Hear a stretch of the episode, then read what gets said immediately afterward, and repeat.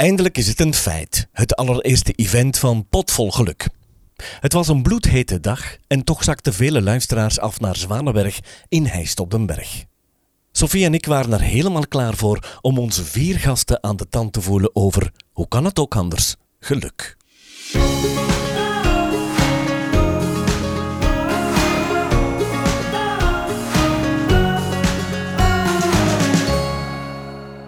Lorenz Dries. Mocht je niet weten wat hem overkomen is, we hebben er een podcast over gemaakt. en meer dan een half uur lang heb ik ongelooflijk geboeid zitten luisteren naar welk parcours deze mens heeft afgelegd. Het is echt de moeite waard om die te luisteren. En wat mij voor eeuwig zal bijblijven, Lorenz, dat is dat jij gezegd hebt, door de reactie op mijn gezicht weet ik zonder één woord te horen of mensen mij willen leren kennen of niet. Dat gaat mij levenslang bijblijven. Van harte welkom, Lorenz.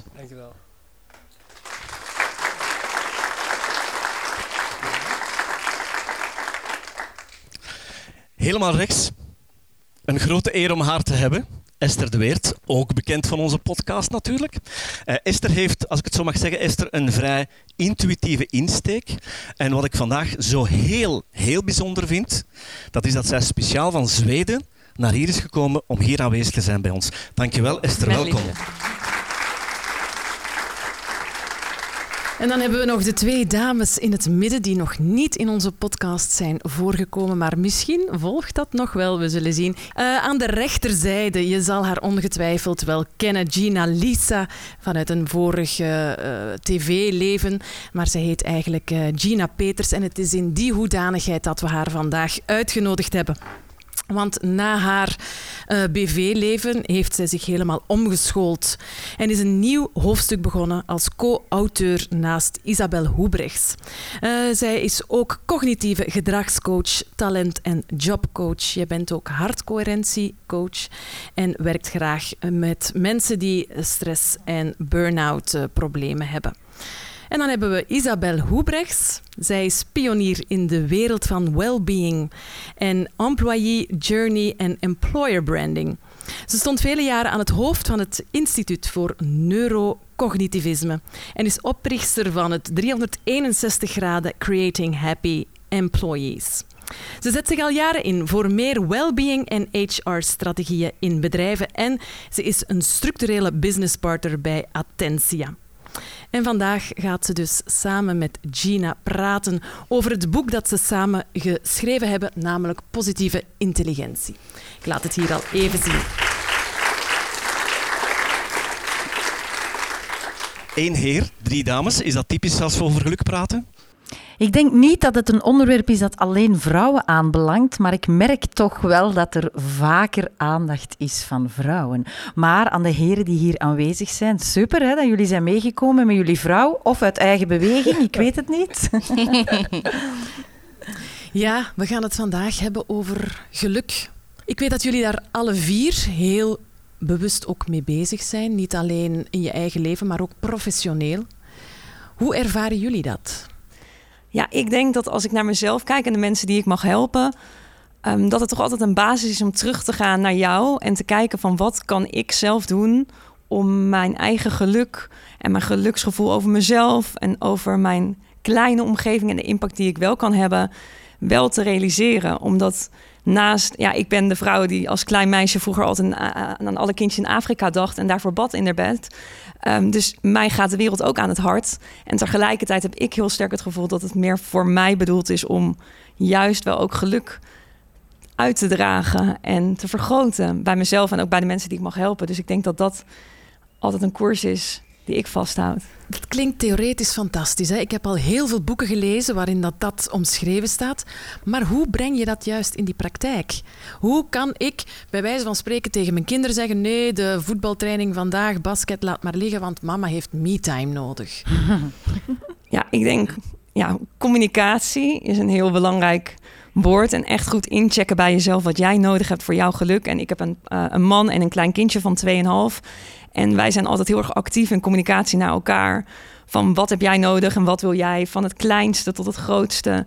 Zodat je niet gelijk zeg maar, de, een hele hoge berg op hoeft als je ergens heen wil. Maar klein kunt beginnen en kijkt van waar kan ik een klein verschil maken. En als je dat eenmaal voelt van yes, het is gelukt. Dan kunnen die grotere verschillen makkelijker komen. Ik ben heel benieuwd naar wat de anderen ervan vinden, maar misschien moeten we eerst een heel klein tourneeke doen met wat geluk voor jullie persoonlijk betekent. Heel kort, een klein toerke. Wat is geluk voor jou? Ehm, ik zou geluk benoemen als perspectief, ehm, aanvaarding en de mogelijkheid om in de moment te leven en niet altijd projecties van de toekomst te maken. Ik denk dat we wel eventjes moeten stilstaan bij hè, geluk. Hè, er zijn eigenlijk drie vormen van geluk. Je kan geluk hebben, chance. Oh, het was elke keer groen hè, toen ik op weg was naar hier. Ik heb chance gehad met de verkeerslichten. Je kan uh, ja, gelukkig zijn en je gelukkig voelen. Ik voel me gelukkig als ik uh, chocolade eet, ik geef dat eerlijk toe.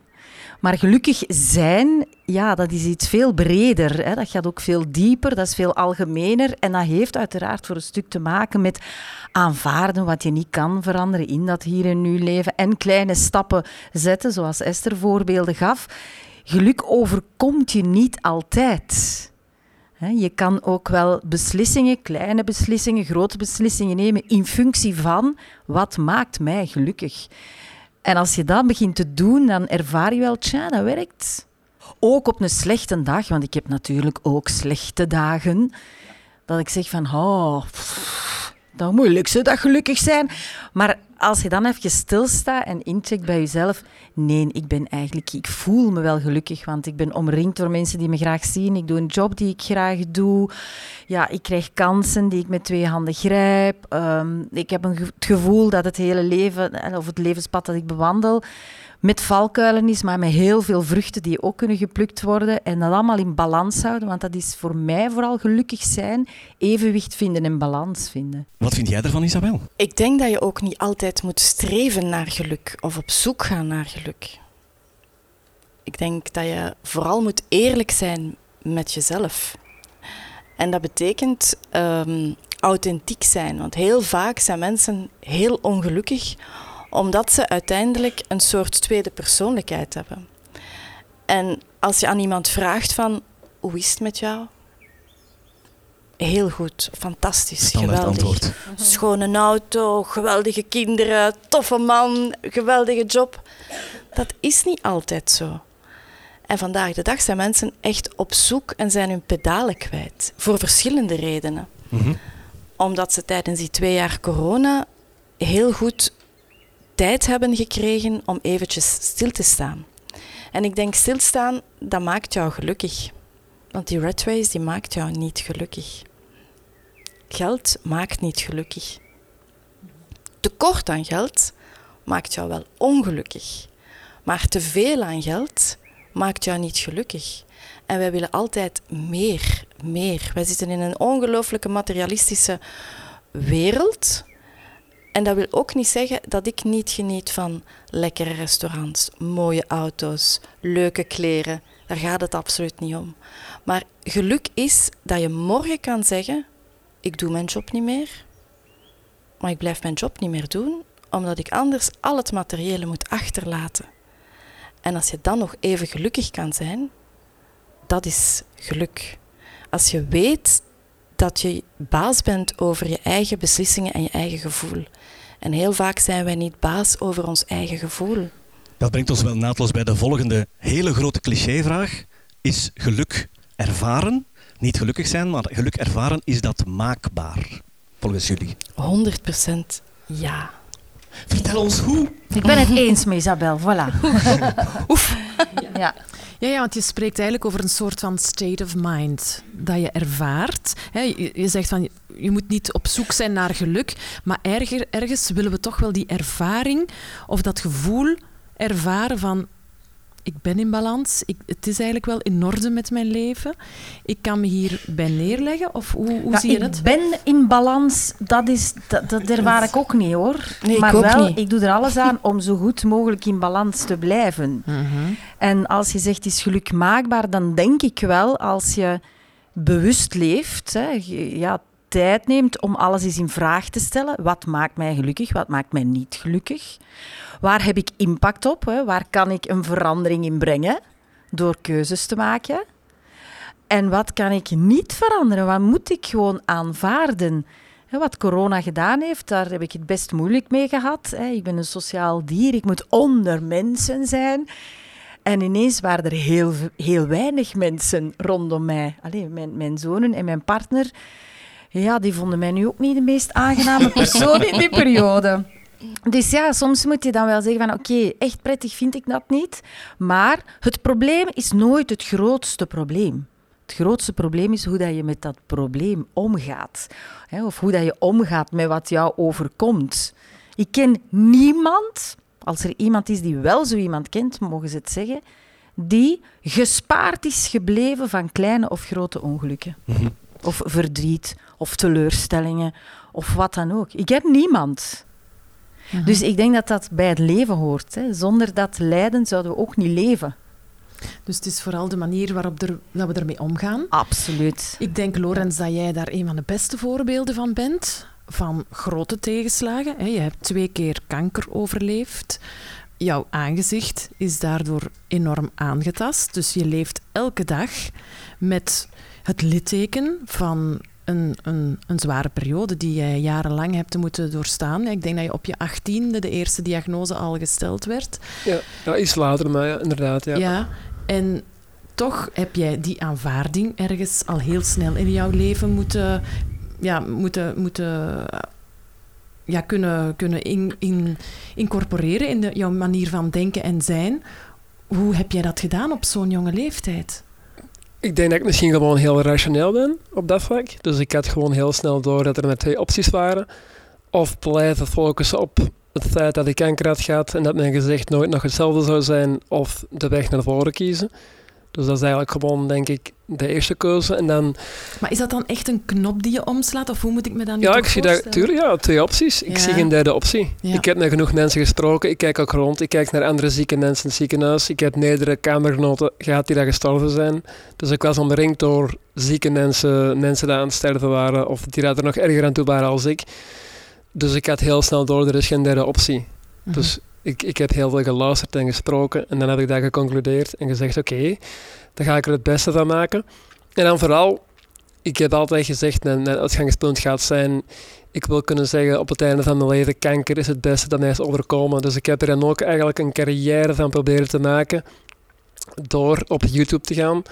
Omdat ik gewoon redeneerde van, in het echte leven staren heel veel mensen naar mij.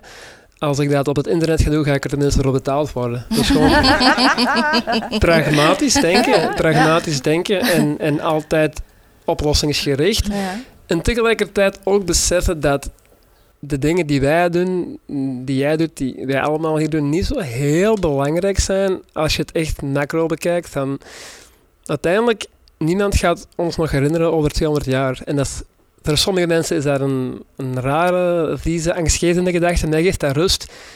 Dus jij kan misschien het meest succesvolle leven hebben en iedereen kan jou de beste vinden. En ik kan misschien een absolute loser zijn. Maar over 150 jaar is de stand toch hetzelfde. Het, het heeft niet veel uitgemaakt. De zoektocht naar, naar succes en, en, en geluk en positiviteit is op zich denk ik een, een negatief proces. Maar ik weet zeker als we over 150 jaar googlen, als dat nog bestaat, en we typen in Wounded Viking, dan gaan we wel bij jou uitkomen. Je laat toch wel ergens een legacy achter. Hè? Ja. Tuurlijk, sowieso, maar ik ga er toch zelf niet meer van kunnen genieten. Dus ik denk te veel mensen, dat is ook wat ik in het begin zei over die projecties van de toekomst. Ik denk heel veel mensen zijn nu gefocust op legacy en, en nalatenschap. Maar wanneer krijgen ze dan die return? Wanneer komt dan... En ik, ik heb ook de indruk, ik, ik spreek met heel veel mensen, ook oudere mensen. Ik, heb, ik ken veel mensen van 60 plus die nu heel gefrustreerd zijn. Want ze hebben heel hun leven enorm hard gewerkt en volgens de regels van de maatschappij geleefd. En dat mag niet en dat mag niet. En we gaan toch samen blijven, want scheiden doe je niet. En ook al haat ik die naam of die vrouw, ik blijf erbij samen. En nu voelen die zich allemaal massaal verraden. Want die zien een maatschappij van jongeren die doen wat ze willen. En die zeggen, fuck die regels. De, de, er is geen brandstapel meer.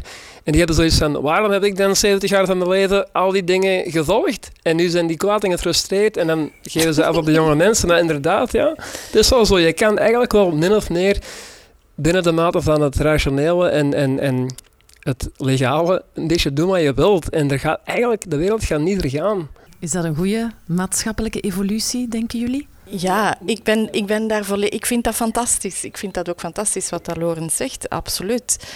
Ehm, ik denk ook, een van de dingen wat dat jij zegt is, zolang dat wij niet aanvaarden dat wij allemaal doodgaan, vroeg of laat, kan je nooit gelukkig worden. Ik ken heel veel mensen die er alles aan doen en constant denken van er gaan nog een pilletje komen en de, de, wetenschap gaat nog verbeteren en weet ik wat dan ook. Dat zijn de meest ongelukkige mensen die ik ken, want die zijn altijd aan het panikeren, die zitten altijd in stress, die willen altijd meer en beter. Ik wil toch honderd worden eigenlijk? Ik ook. Ja, Ik wel, ook. ik, wil, ik weet dan niet of ik dat wil worden. Dat zal wel, dat zal wel zien. Hoe kun, je, hoe kun je zeggen van ik wil 100 worden? Als Mijn opa weet- heeft dat gezegd. Omdat ik zo is graag leef. 97 nu. Ja, maar ik wil alleen maar 100 worden als ik mij goed voel, Ja, ja, als ja. ik mentaal Ja, ja. goed ben. Ja. Als ik, als ik mij ongelukkig voel, dan hoeft die 100 voor Oké, mij. ik wil gezond honderd worden. Nou, mijn, mijn vraag zou dan zijn, wat ga je op je 100 doen dat je nu nog niet kan doen? Oh, tegen mijn kleinkinderen al mijn ja, levenservaring delen en vertellen en hopen dat ik op een, ja, toch op een manier inspirerend kan zijn. Tuurlijk, hè, dus ik heb zelf een zo'n... legacy achterlaten. Ja. legacy, dat weet ik zo niet. Maar ik heb ook een grootvader gehad die 100 is geworden, 101.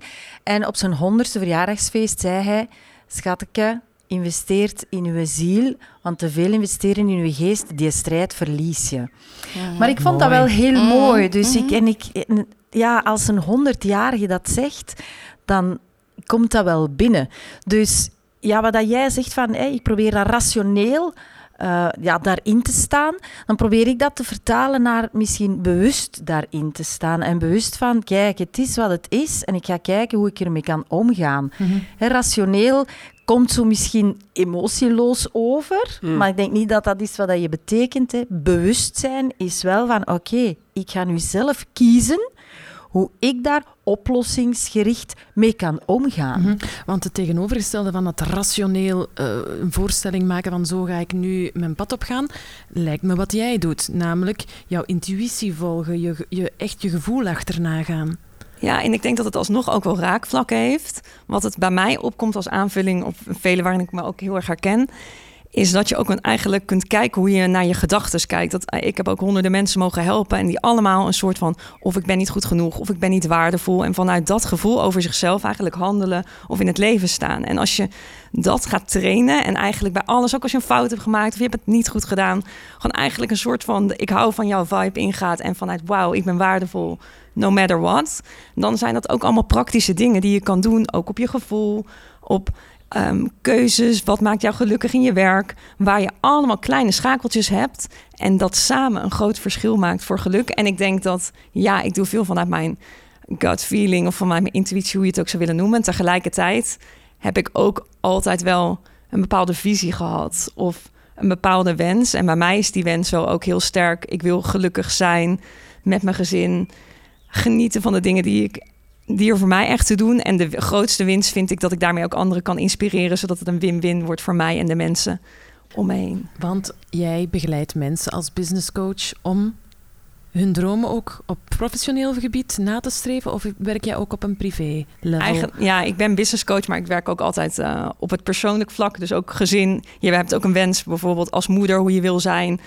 Ehm, maar bij mij hangt het allemaal samen met eigenlijk de person-organization fit, waardoor ik naar heel veel studiekeuzes die niet bevielden bij strategisch HR-management ben uitgekomen. Ik geloof er gewoon in dat als jij doet wat je echt leuk vindt om te doen, en je op je plek zit en bij een organisatie werkt of in een bedrijf, een bedrijf opzet wat helemaal je ding is, dat je dan de meeste waarde kunt toevoegen. En voor een organisatie ook heel veel waarde kunt creëren. En dat doe ik nu eigenlijk niet vanuit HR of bij organisaties, maar bij ondernemers die, eh, die een eigen bedrijf hebben. Mag ik de bladzijden even omslaan Jazeker. en aan jullie vragen... Wanneer ervaren jullie die momenten van geluk?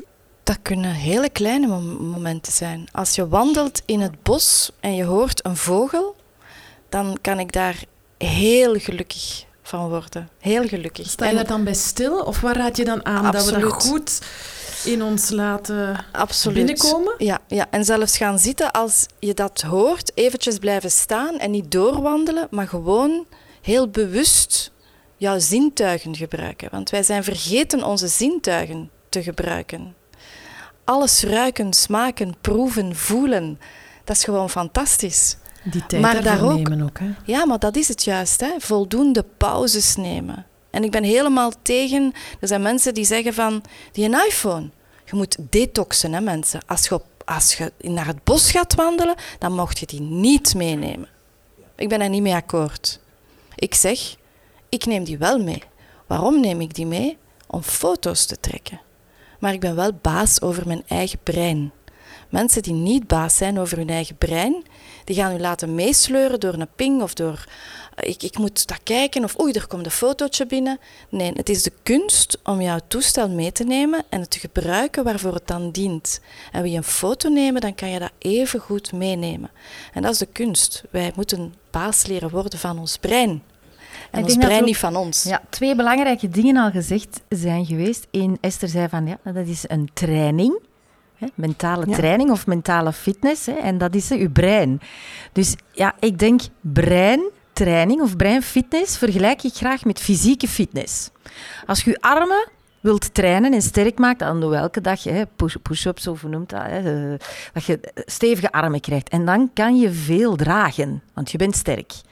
Als je mentaal ook die fitness doet door die kleine mentale trainingen, dankbaarheid, bewustzijn, mindful zijn, stilstaan bij waar sta ik, waar wil ik naartoe, het zijn allemaal zaken die dat trainen, ja, dan kan je ook meer dragen.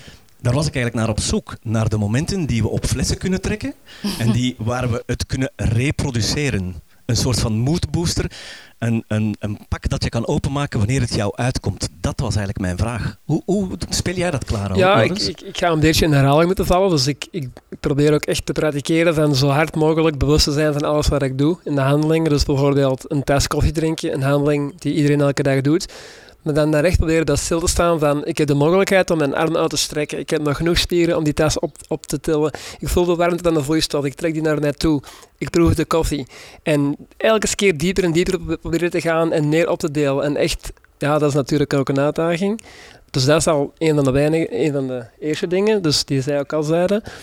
En telkens als ik kan, ook als ik, ik plan graag, ik, ik, ik, ik hou ook van, van plannen en, en leren van andere mensen en eventueel andere mensen hun fouten of beslissingen en dan zelf misschien zelf een andere weg in te gaan. En als ik dan zie dat een voorbereiding of een plan resulteert in succes, of de creatie van iets goed of iets positiefs, kan ik ook heel veel plezier uithalen.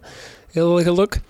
Ehm, ik denk ook in het algemeen een de belangrijkste aspecten van, van gelukkig zijn is ook effectief creëren. In, in welke vorm dan ook. Dan moet, dan moet je geen goede schilder voor zijn of, of, of een kunstenaar. Het kan in heel veel verschillende vormen zijn. Gewoon je cre- creativiteit gebruiken. Mhm, mhm. Of, En- of zoals je in de podcast zei, elke dag is een bonus voor mij. Ja, tuurlijk. Ja, voor iedereen. Hè. Dus iedereen heeft een, een ingebeelde tijdlijn van hun leven. Ze denken al aan hun pensioen en ze denken al wanneer ze gaan trouwen. Ze zien echt die lijn voor zich. Hè. Daarom dat ze ook beginnen panikeren als ze 30 worden en ze hebben hun partner nog niet. Of ze zijn 36, ze hebben hun kinderen nog niet. Maar die lijn is gewoon een illusie. Dat is echt gebaseerd op niks, pure fictie. Kan Maar daardoor maken we het onszelf ook wel moeilijk, hè? Ja, Zo of, die ingebeelde lijn, want ik denk dat die wel heel herkenbaar is voor iedereen. ja, maar of gemakkelijk, omdat je dan die lijn helpt je om dingen te doen dat je niet graag doet, omdat je een valse garantie hebt van dat je ooit beloond gaat worden. Ja. En als die lijn er niet is, dan heb Ja. je dat niet. En dan ga je mensen niet kunnen overtuigen van dingen te doen dat ze niet willen doen. Dat is niet voor iedereen hetzelfde, denk ik. Voor Esther bijvoorbeeld is het makkelijk. Voor mij is Esther iemand die representeert de grote droom. Als we ooit geld hebben, dan kunnen we verhuizen. Want jij bent op drie maanden tijd verhuisd. Ja. Hebben een oude man en kinderen, hup, naar Zweden. Dus jij hebt gemakkelijk praten, toch? Ja, dat is wat je, wat je zou kunnen zeggen. En ik denk dat de, de, het verhaal ervoor belangrijk is om te weten dat ik ook ergens ben begonnen met anders handelen, anders denken, mezelf trainen, wat gezegd werd. En ik kreeg op een dag ingegeven, en we hadden al tien jaar lang gesprekken over wonen in het buitenland, dat het Zweden was waar ik wilde leven. En toen zijn we gewoon gaan creëren. Wist ik hoe ik dat ging realiseren? Nee, helemaal niet. Maar gewoon stap voor stap ontdekken. Maar hoe krijg je dat dan klaar op drie maanden tijd? Ja, door gewoon te doen en te ontdekken. Dus bij ons begon het met: hey, de huizenmarkt hier in Nederland. We hebben een koophuis. De huizenmarkt in Nederland is hier ehm, heel gek. hey, wat krijgen we voor ons huis? Oh, oké, laten we ons huis verkopen. Dan hebben we in ieder geval geld op de bank staan. Ehm, oké, hoe gaan we naar Zweden? Nou, mijn man had bijna de baan van zijn dromen bij het droombedrijf gekregen. Dat ketste af. En ik was in Zweden en ik dacht, ik wil niet meer terug. En toen kon ik met mijn bedrijf naar Zweden. Dus er zijn ook in mijn leven dingen die niet gelijk smooth gaan. Maar ik hou van mogelijkheden creëren. Ik dacht dat jij geen tegenslag had gehad. zeker wel, zeker wel. Ja. Spreken we dan van een duidelijke droom die jij en jouw man hadden? Hoe zeg je dat? Latente droom. Een droom die onbewust aanwezig was en die getriggerd werd. Ik had in één zomer vijf mensen die zeiden, die nooit iets van mij wisten.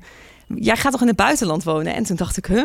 En toen was ons zoontje nog geen jaar. En toen kreeg ik ingegeven dat ik in Zweden wilde wonen. En het raakte me emotioneel. En ik kwam thuis en ik zei tegen mijn man...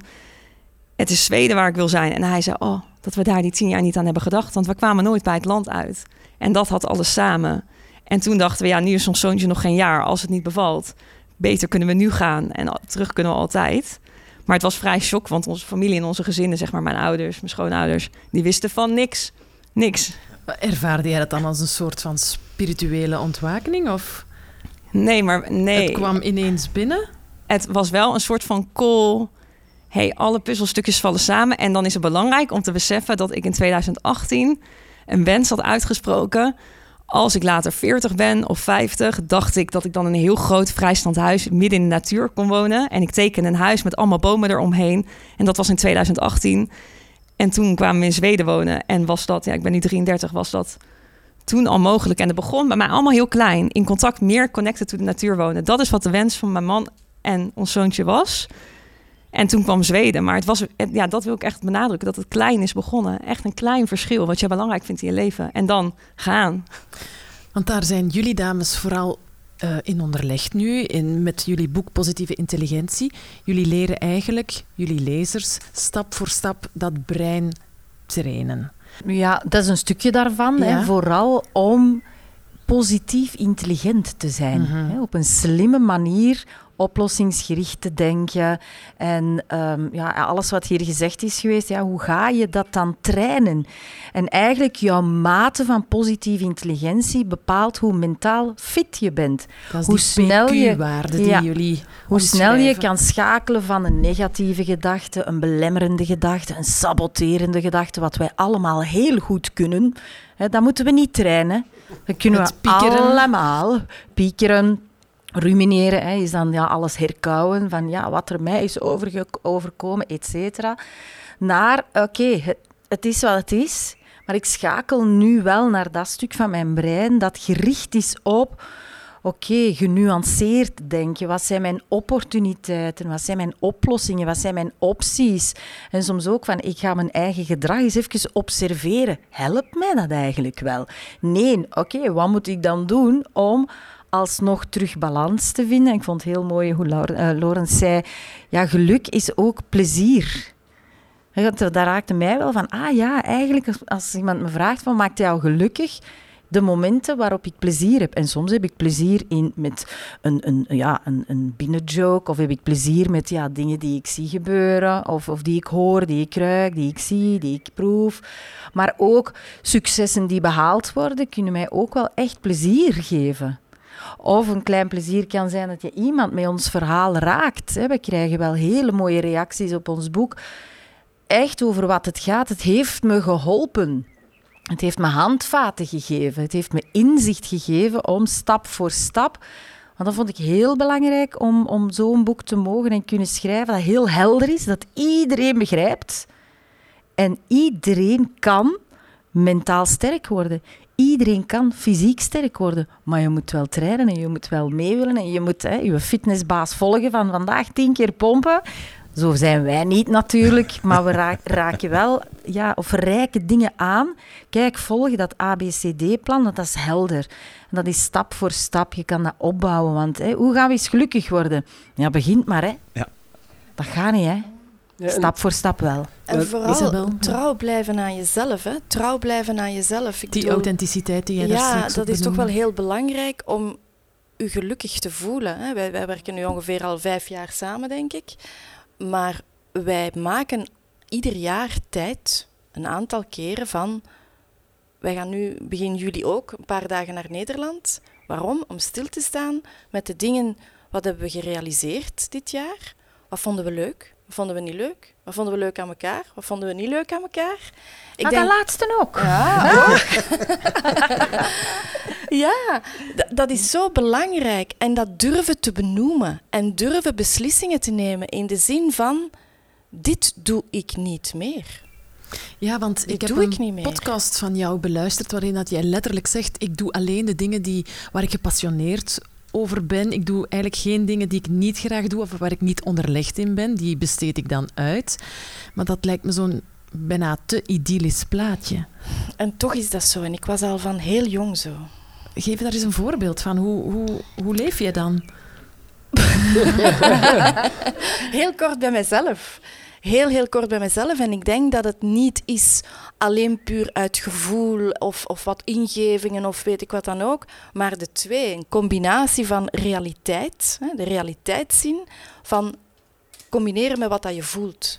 Maar dat is toch gewoon niet elke dag even leuk? Je hebt toch heel veel praktische beslommeringen. Ja. Ik denk nu maar iets of de boekhouding invullen. Of... Maar die doe ik dan zelf niet. Echt Ah ja, niet. Dat ik doe dat allemaal uit. Alles wat dat ik niet zo. graag doe, Ja. dat doe ik niet. En dat meen ik echt. En Maar dat doe mijn, ik niet. mijn vraag zou dan zijn, als je die filosofie volgt, dan lijkt me dat je dat enkel kan toepassen als je wel een groot aantal mensen hebt dat wel dingen doen die zij niet graag doen. Want als morgen iedereen enkel de dingen graag doen, ding, de dingen, doen die ze graag doen, Mhm. Dus jij zegt bijvoorbeeld, ik haat afwassen, ik weiger te afwassen, dat is een goed recht. Maar iemand moet afwassen. Dus Ik heb een heel groot netwerk. nee, maar ik misschien denk dat dat, van mensen die toch wel dingen ook doen die ik dat denk dat dat heel doen, belangrijk is. En ik denk, geluk kan alleen maar 100% gevoeld worden door jezelf. Als je de puzzel die je moet leggen, je moet een puzzel maken. En als je heel veel puzzelstukjes hebt, kan de puzzel succesvol zijn. Als je er verliest, dan heb je nooit geen hele puzzel. Wel, dat is met leven volgens mij ook zo'n stukje. Je moet een aantal puzzelstukjes weten, kennen. Je moet daar ook heel emotioneel intelligent voor zijn. Hm? Je moet mensen kennen. Je moet weten wat mensen graag doen, willen doen. En die rondom u verzamelen. En ook durven benoemen waarom dat je bepaalde dingen niet graag doet. Maar ja, ik, ik vind het fantastisch als je het zo zegt. En ik begin me dan meteen mijn eigen leven al vorm te geven. Eh, langs één kant klinkt het ook een beetje egoïstisch. Dat ik denk van oké, goed, zo wil ik leven en, en dit wil ik nastreven. Maar je hebt ook nog een partner, je hebt kinderen, je hebt die omgeving waar je, die jou wel, wellicht zullen helpen, maar die toch ook moeten gevoed worden. Hoe match je dan jouw geluk, jouw puzzel samen met ja, de mensen waar je ook dagdagelijks ben- mee Ik door ben het helemaal niet egoïstisch. Ik ben eigenlijk een altruïstisch iemand en ik geef veel meer Mhm. dan dat ik vraag. Maar begrijp je waarom dat ik, ik die begrijp vraag dat stel? absoluut, absoluut. En dat is, dat is ook heel belangrijk. Maar waarom, hè, jij zei het net ook, hoeveel mensen ken jij in je omgeving die bij hun man en hun vrouw of hun vrouw blijven tegen hun zin? Heel hun leven klagen en zagen dat ze het niet goed hebben, dat eh, hij niet afvast of dat hij weet ik wat dan ook, of zij of weet ik wat dan ook. En hoe ouder dat ze worden, hoe meer dat ze klagen en zagen. Of klagen en zagen over hun bedrijf, over hun leidinggevende. Je leidinggevende. Ik heb een burn-out gehad van mijn leidinggevende. Ja, maar als je daar niet mee door dezelfde deur kunt, dan zijn er twee oplossingen. Ofwel communiceert je dat zijn stijl van leidinggevende niet past bij jou, en dan is er iets anders in dat bedrijf. Ofwel ga je weg in dat bedrijf. Mhm. Maar ja, dat kan in elke relatie natuurlijk ook, maar en waar ligt de elke grens relatie ook. tussen moeite doen, elkaar blijven opzoeken, communiceren Ah ja, maar ja. of het, Ah ja, ah ja, maar het dat is gegeven overboord gooien? Hè? Ah, nee, nee, maar dat, dat is het niet. Hè. Maar ongelukkig blijven in een relatie, welke dan ook, of dat dan nu Mhm. een vriendinnenrelatie is, of, Of een, zakelijk, ja. een zakelijke relatie, of weet ik wat dan ook, dan moet je niet blijven stimuleren. Maar je moet wel alles geprobeerd hebben, uiteraard. Hè. Mhm. Esther, jij Ja. wil er iets aan toevoegen, denk Ja, ik. zeker. Want ik herken, ik herken me ook heel erg in het verhaal wat je schetst. En wat ik heel erg heb gezien bij al die mensen die ik mogen helpen, is dat je soms ook keuzes kunt maken omdat je denkt: oh, maar ik wil graag mijn man gelukkig zien of ik wil mijn kind gelukkig zien. En, en je cijfert jezelf dan misschien soms weg. En wat gebeurt er eigenlijk als jij zelf voor je eigen geluk kiest? Kun je nog gelukkiger zijn. En als ik kijk hoe ik nu in mijn relatie kan zijn en wat ik mijn kind kan geven, dat had ik nooit zo gelukkig kunnen voelen als ik niet ergens was begonnen. En natuurlijk, ja, hè, kunnen mensen zeggen: je hebt makkelijk praten, jij kon je baan opgeven, want jouw man supportte je. Ik werkte in, in een topfunctie. En tegelijkertijd gingen wij wel naar: oké, we kunnen alle vaste lasten dragen, maar er zijn wel keuzes te maken financieel. En mijn man accepteerde dat ook, omdat hij zag: hey, maar Esther is gelukkiger dan ooit. En ja, toen ben ik mijn business begonnen, heeft het ook eh, de eerste jaren geduurd voordat ik echt eh, mega winsten kon draaien. Maar ik ben ook gewoon doorgegaan en altijd het geluk achterna gegaan. En daarmee zijn ook geldstromen en andere mogelijkheden, in ieder geval in mijn leven bij de mensen die ik help, ook nog tot je gekomen. Ja, ik probeer te leven volgens de 80-20 regel. 80% dingen doen die mij energie geven, die ik graag doe. En ja, die twintig anderen zal ik er wel bij nemen, maar dat is niet zo erg, omdat je dan toch opgeladen bent. Je hebt de energie om ook een aantal dingen te doen ja, in functie van anderen of omdat het moet. Hè. Uiteraard, we moeten eten, drinken voor ons gezin zorgen. Alleen moeten, we mogen. Maar ja, er zijn wel eens dingen die wij moeten doen die niet altijd even prettig zijn. Als we kiezen voor een job of een samenwerking, ja, dan probeer ik wel echt in balans te houden van is dat nog altijd of sluit dat aan bij de 80-20-regel? Ja, ja, zodat onze omgeving ook de betere versie van onszelf krijgt. Ja, in het vliegtuig als er geen zuurstof is, wat moet je dan doen als die maskers naar beneden komen?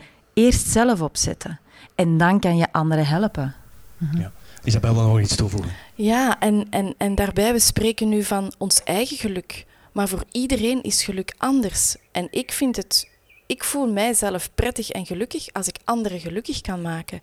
Dus dat wil niet zeggen dat je egoïstisch bent of dat je alleen aan je eigen geluk denkt, want dat is voor iedereen anders. Ik word blij en happy als ik anderen kan helpen of gelukkig maken of weten dat die het goed hebben. Ja, ik vind het een heerlijk pittig debat, maar uh, mijn naïeve ik zegt op zo'n moeilijke momenten, wanneer ik dan mij niet gelukkig meer voel in mijn relatie, wat zou ik aan de andere kant dan wel willen? Ik weet ondertussen wat ik niet wil, maar wat wil ik dan wel? En ik maak dan een bocht van 180 graden. En mijn vraag is dan aan jullie, in welke mate zijn dromen, wensen en verlangens belangrijk? Als ik even de metafoor van de puzzel mag gebruiken, is dat de kantjes die je eerst maakt, zijn dat de randjes van de puzzel? Of is dat de lucht die je maakt? In welke mate spelen die dromen, wensen en verlangens een rol in wat je wil bereiken? Ik denk dat er één ding heel belangrijk is, zowel in je privérelatie als in je professionele relatie. De keuze die je neemt voor het bedrijf of de leidinggevende, of de keuze van man en vrouw, is dat je de basiswaarden bijna gelijk zijn. Waarden waar dat je in het leven staat en wat dat je belangrijk vindt, en daar ook uiteraard je gedrag, dat is een van de belangrijkste dingen om een succesvolle relatie te hebben. En misschien ook ruimte. Ja. Ruimte om te kunnen en mogen zijn wie dat je bent. Wie dat je intrinsiek echt bent. Geen rol spelen om iemand anders gelukkig te maken. Daar ben ik al lang geleden mee gestopt. Dat is dan de droom die je hebt, de ruimte voor jezelf. Daar droom je dan van? Is dat, dat creëer ik. Ja, ja dromen. Ik, dat ik creëer ik. Ja. dromen. Ik en zorg dat dat. dat ook ruimte geven aan anderen, hè? dat is ook heel belangrijk. Ja. En dat is mooi. Als een relatie dat kan zijn, dan is dat een meerwaarde. Ja. Was dat moeilijk voor jou? Want ik denk als voormalig en nog steeds bekend gezicht dat het moeilijker is om. Ja, wat je zegt, ik ben gestopt met aan verwachtingen te gaan, uh, gaan leven of, of mezelf voor te doen die, dat, dat niet mijn authentieke zelf is? Um, goh, ook mijn publieke leven heeft daar weinig impact op gehad. Ik denk dat ik redelijk ja, van jongs af, jongs af aan heel trouw ben gebleven aan ja, wie ik wil zijn. En me zo goed als mogelijk heb omringd met mensen die die ruimte gaven. Het is één keer verkeerd geweest. Je kunt je ook vergissen in het leven, maar dat dan ook wel inzien van... Mm, nee, dit is een heel ziekmakende, toxische omgeving geworden. Hier moet ik weg. Mhm. Maar dat is ook niet zo gemakkelijk. Maar dat is ook wel, eerst maak je de keuze van dit is niet meer gezond voor mezelf. Oké, wat is dan de tweede fase? Welke stappen moet ik hier dan gaan inzetten? Wie kan mij daarbij helpen? Want je moet ook niet altijd alles alleen doen. En dan, ja, heb ik de energie om die stappen te gaan zetten. Mhm. Oké, nee, de energie is wat weg. Hoe ga ik die terug opladen? Dus ja, het komt niet uit de lucht gevallen. Maar ik heb er wel energie uitgehaald en een fierheid van, ja, ja, ik sta vandaag waar ik sta omdat ik ook moeilijke beslissingen heb gemaakt, omdat ik ook in die moeilijke periodes heb gedacht, wie wil ik zijn en wie was ik eigenlijk niet meer. Mhm. Dat vroeg ik mij bij jou af, Lorenz. Was jij na jouw moeilijke tijd nog dezelfde of heb jij zelf als authentieke ik ook een evolutie doorgemaakt? Heb jij een nieuwe ik moeten leren kennen? Mm, nee, ik denk, ik ben sowieso veranderd door leeftijd, door ouder te worden. Ik denk tussen 22 en 34 verander je veel. Wat ik vooral heb gemerkt is dat de mensen en de samenleving rondom mij heen veranderden. Dus voor mijn kanker was ik eigenlijk, ja, had ik niks. Was ik een, een normale man, maar groot, goed gebouwd, sociaal sterk, veel zelfvertrouwen. En toen was vaak het narratief van mensen over mij van eh, hij is arrogant of hij heeft een groot ego of hij is geen aangename mens omdat mensen natuurlijk vaak geïntimideerd zijn als iemand zien die zichzelf comfortabel voelt met zichzelf. Dus toen had ik veel mensen die, die mij, om het op zijn kennis te zeggen, niet moesten. En dan word je ziek en dan verlies je een vierde van je gezicht en dan ga je bijna dood en dan, en dan verlies je 30 kilo, zit je in een rolstoel, word je gereduceerd tot een levend lijk. En plotseling vindt iedereen je een inspiratie en een held en een doorzetter en heb je geen vijanden meer. En ineens lijk je de meest sympathieke mens ter wereld. En toen besefte ik dat het de samenleving is en niet het individu. Dus we hebben allemaal een soort van sociale barometer waar wij onszelf hebben staan. En wij klasseren iedereen die wij tegenkomen, zelfs op straat, op die barometer. En als we iemand zien die wij hoger inschatten, fysiek of meer succesvol of knapper, dan gaan wij automatisch een negatief gevoel hebben. Jaloezie. En ja, we gaan gewoon onmiddellijk iets hebben van, we gaan redenen zoeken om hen naar beneden te halen. Terwijl mensen die wij onder ons schatten, gaan de hele krediet geven, want ja, we voelen ons toch niet bedreigd. Als een mooie vrouw één keer niet lacht of een goede dag zegt, zegt iedereen het is een bitch.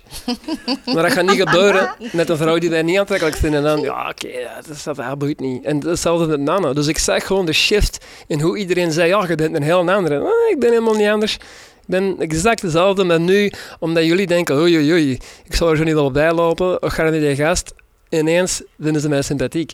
Dus dat heeft mij heel hard geholpen met eigenlijk om te gaan met de, de reactie van de samenleving, omdat je toch niet zoveel waarde eraan moet hechten, omdat ze zelf niet goed weten wat ze doen.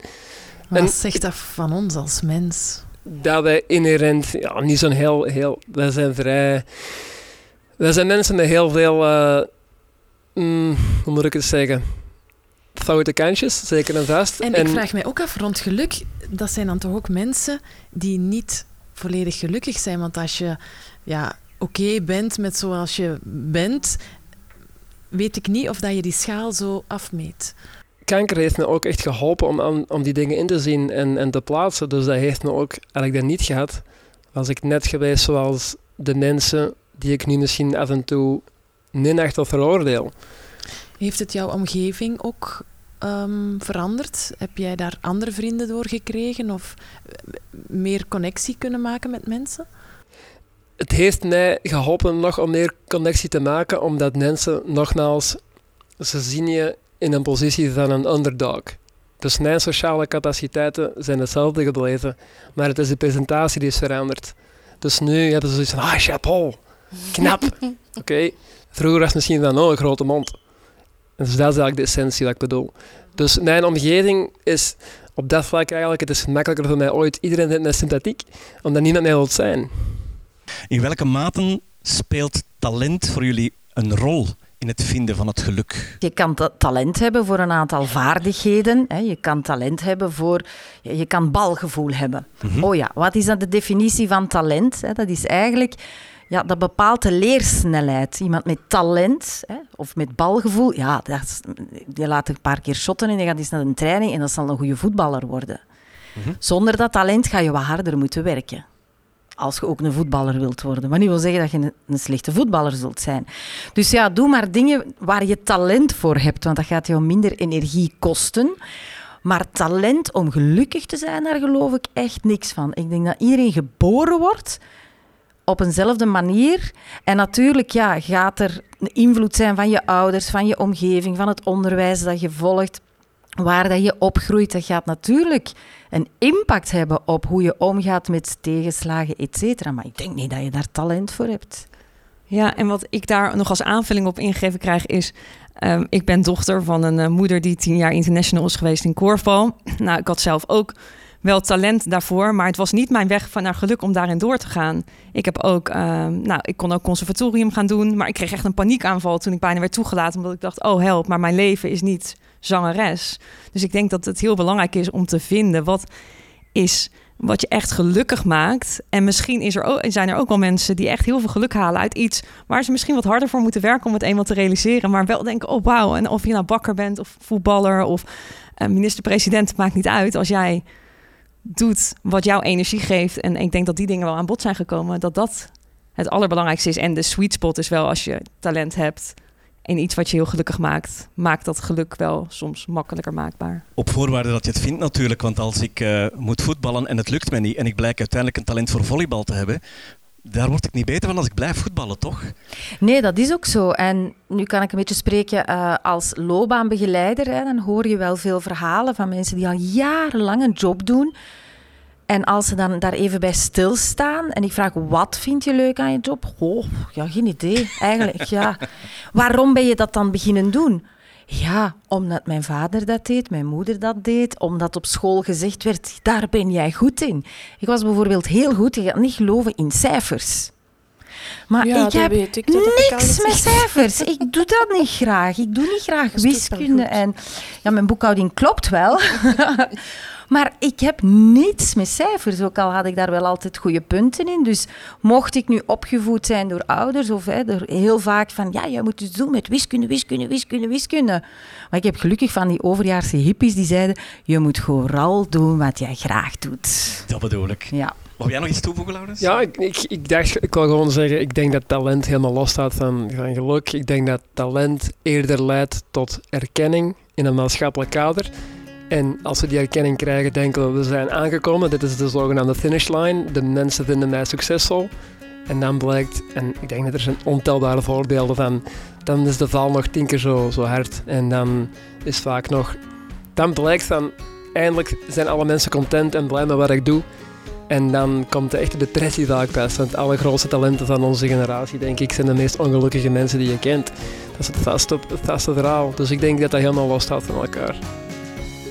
Deze podcast kwam tot stand dankzij Gabriel's House, School of Lock en de talrijke aanwezigheid van onze luisteraars.